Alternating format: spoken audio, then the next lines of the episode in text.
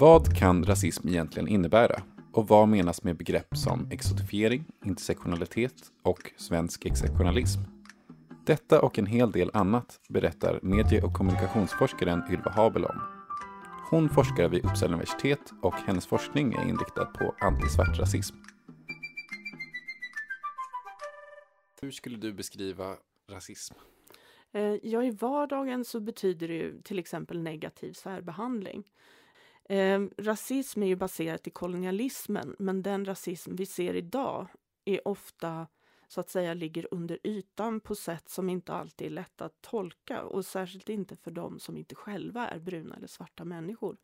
Eh, ofta om en eh, människa som utsätts för rasism förklarar det för omgivningen så får hon eller han eller den höra svar som ja men du kanske missförstod den här situationen. Att uppleva rasism är att gå på ett varuhus till exempel och bli iakttagen av vakter och förföljd av vakter runt, runt, runt. Eh, rasism i skolan är till exempel att läraren inte ser att det bruna eller svarta barnet räcker upp handen för att de vill svara på en fråga att Eh, studievägledaren rekommenderar eh, städarbete eller liksom lågkvalificerade yrken för, för bruna och svarta elever. Eh, om, om vi ska tala om vithet och rasifiering eh, så bör vi börja någonstans där den västerländska och europeiska kolonialismen startar. Eh, vithet är inte bara en hudnyans Ehm, utan också en västerländsk och europeisk maktstruktur grundad i kolonialism. Ehm, den vita makt som skapades under kolonialismen utgick nämligen förenklat från tre föreställningar om global överlägsenhet inom områden som vetenskap, kultur och skönhet.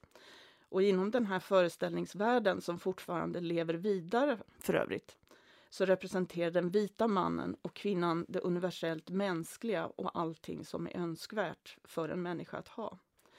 Eh, det här är också startpunkten för hur rasistiska och rasifierande klassificeringssystem för människor i världen skapas.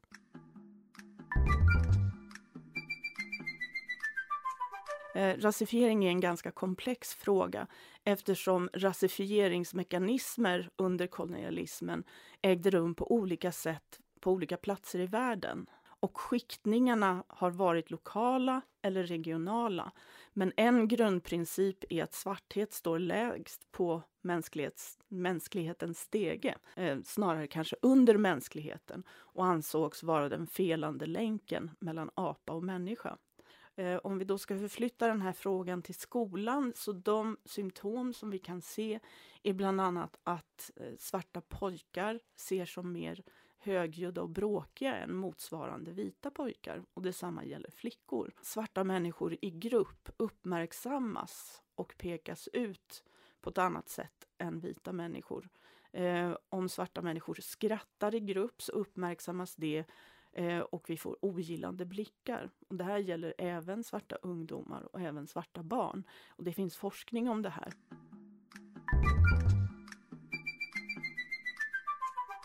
Skulle du vilja berätta lite om svensk exceptionalism och hur den kopplas till vithet? Jo, svensk exceptionalism skulle kunna sägas vara en föreställning om att Sverige har varit det goda undantaget från kolonialismen, att vi inte har deltagit.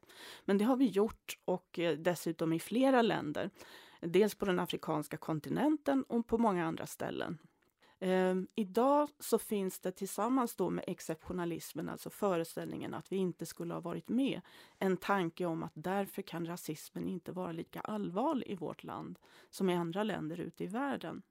Uh, och det här hänger också samman med presentism, alltså en en tanke om att vår historia är oproblematisk och inte hänger ihop med den globala historien där kolonialismen ingår.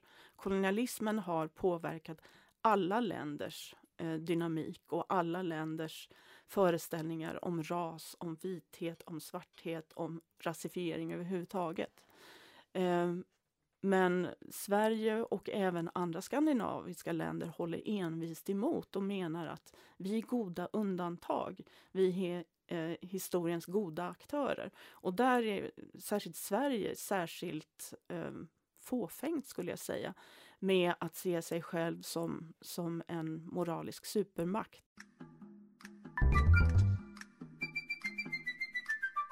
Skulle du vilja beskriva exotifiering? Eh, ja, jag kan ta några exempel. Ett eh, klassiskt exempel är väl exotifieringen av till exempel svarta barns hår. Eh, att andra barn eller vuxna tar sig friheten att ta på de här barnens hår utan att fråga. Eh, och det gör ju ingen mot andra människor. Bruna och svarta barn står också implicit inför att alltid kommenteras kommentarer om deras klädsel eller om deras matmanor kan vara andra saker. Och exotifiering är också en del av det som många kallar för mikroaggressioner. Och mikroaggressioner bygger inte på några personliga aggressioner som en vit person bär på, utan snarare på den strukturella rasismens eh, mandat att alltid fråga ut andra eh, och ställa också väldigt intima frågor. Eh, exotifiering kan vara att fråga en brun eller en svart människa, är du lika brun på hela kroppen? Eh, och det som är principiellt intressant med exotifiering är att exotifiering ofta utgår från vad som kan ses på ytan som positiva känslostrukturer, det vill säga, åh vad jag tycker att du är intressant. Men i själva verket så är det ett slags utpekande att putta någon ut ur föreställningen om det normala. Hur skulle du beskriva intersektionalitet? Eh, ja, det enklaste sättet att börja är väl att tala om att intersektionalitet är en komplex analys av att vi människor inte bara är människor utan att vi också har en hudfärg, en klasstillhörighet, en bildningsnivå, en sexualitet och många andra eh, dimensioner som eh, funktionsvariation eller normbrytande funktion. Tänk er att ni har ett glas med vatten med fyra olika färger eller fler och tar en droppe vatten eller en droppe färg av varje i det här vattnet. När ni har det så har ni intersektionalitet. Men den går inte att lösa upp och bryta loss och så att säga skikta att vi har de här komponenterna. För så lever ingen. Eh, vad intersektional, intersektionalitetsforskare själva har sagt är till exempel att ingen person är bara en sak. Varför är det viktigt att veta och förstå betydelsen av dessa begrepp? Eh, jag tycker att det är viktigt för att ge alla elever i skolan jämlika förutsättningar. Eh, dels att alla elever ska få möjlighet att höras, eh, att få hjälp och vägledning av lärarna, att bli sedda av lärarna eh, och också när de blir äldre få hjälp av studievägledare och liknande för att de också ska få jämlika och rättvisa förutsättningar när det är dags att söka till universitetsstudier eller arbete. Tack så mycket för att du har lyssnat på det här poddavsnittet som en del av Friends webbkurs om rasism.